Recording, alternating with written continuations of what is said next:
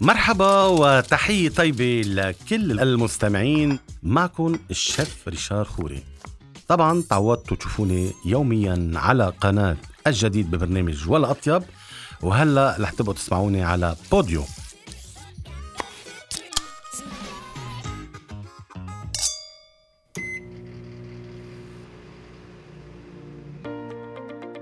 شيف ريشار رح بيطل عليكم من التنين للجمعة.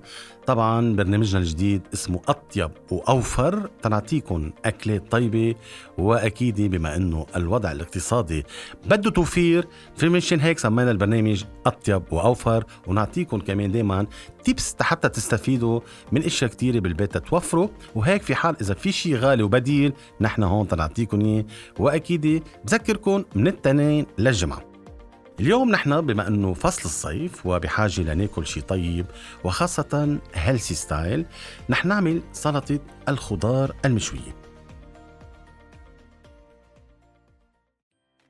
الطبق الأول مشاهدينا اليوم رح بيكون في عنا مكونات سلطة خضار مشوية مع جبنة الفيتا أو الموتزاريلا. بس اليوم الموتزاريلا سعرها كتير غالي.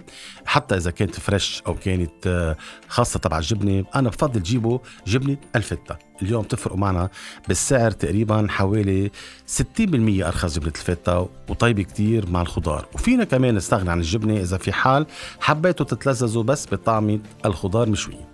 نحن رح نجيب بصل عدد واحد بندورة عدد واحد فطر طازج وممكن ابداله إذا في حال كان عندنا معلب فطر كامل فينا نحط كمان نشويه فليفلي ملونة فينا كمان نجيب فليفلي خضراء بدل ما نستعمل الألوان لأنه اليوم الألوان شوي سعرها غالي كمان.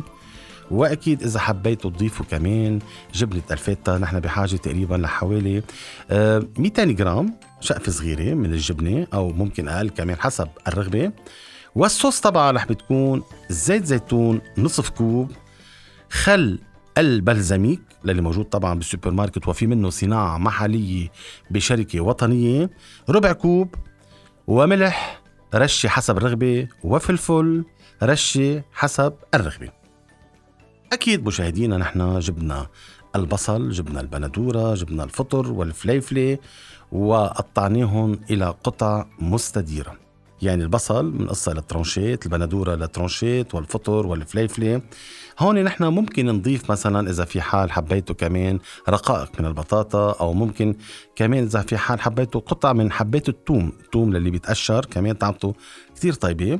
وأكيد كمان كوسة كوسة كمان الكوسة اللي بتعطي نكهة كثير طيبة كمان بنقصها لشرحات. تقريبا نحن بدنا شي حبتين كوسة.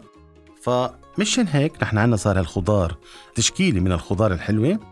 أكيد نحن رح نجيب خشبة تقطيع وسكين بنقطعهم وبنضيف فوق منهم الملح والفلفل وزيت الزيتون والخل. نحن لازم ننقعهم تقريبا قبل الشوي ساعتين.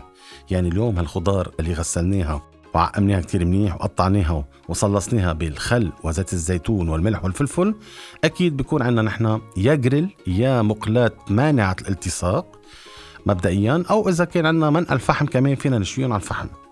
بنشوي الخضار بطريقة كتير هيك فنية مثل ما بيقولوا. فينا نعطي كادرياج للخضار يعني تطلع شكلها مثل كانوا عم نشوي ستيك. بعدين بنرجع بنحطهم بالصوص وبننقعهم تقريبا 10 دقائق قبل تناولهم. وفينا كمان نحتفظهم بالبراد لخلال خمسة أيام يعني في حال شويته وحطيته زيت الزيتون مع الخل البلزميك وحطيناهم بجاط آه، بيركس أكيد بهالطريقة نحن فينا نحتفظ فيهم بالبراد لمدة أربع خمسة أيام نتلذذ بطعم خضار مشويه بنكهة الخل البلزميك مع زيت الزيتون. ومنزين الجاط إذا في عنا شتلة حبق بكم ورقة حبق. على مدار الصحن وهيك بنتلذذ ونتناول هالصحن الخضرة المشوية. ملاحظة مستمعينا نحن فينا نضيف الستيك مثلا إذا في عنا شقفة لحمة أو صدر دجاج أو أي شيء شقفة سمكة مع هالخضار بيروح مع الصحن الطيب وبنتلذذ بطعم مميز جدا. حلقتنا لليوم مستمعينا خلصت وأكيد بكرة حلقة مميزة وأكيد انطرونا دائما بحلقات غير شكل حتى تستفيدوا دائما مع أطيب وأوفر مع الشيف ريشار خوري يوميا ومع بوديو.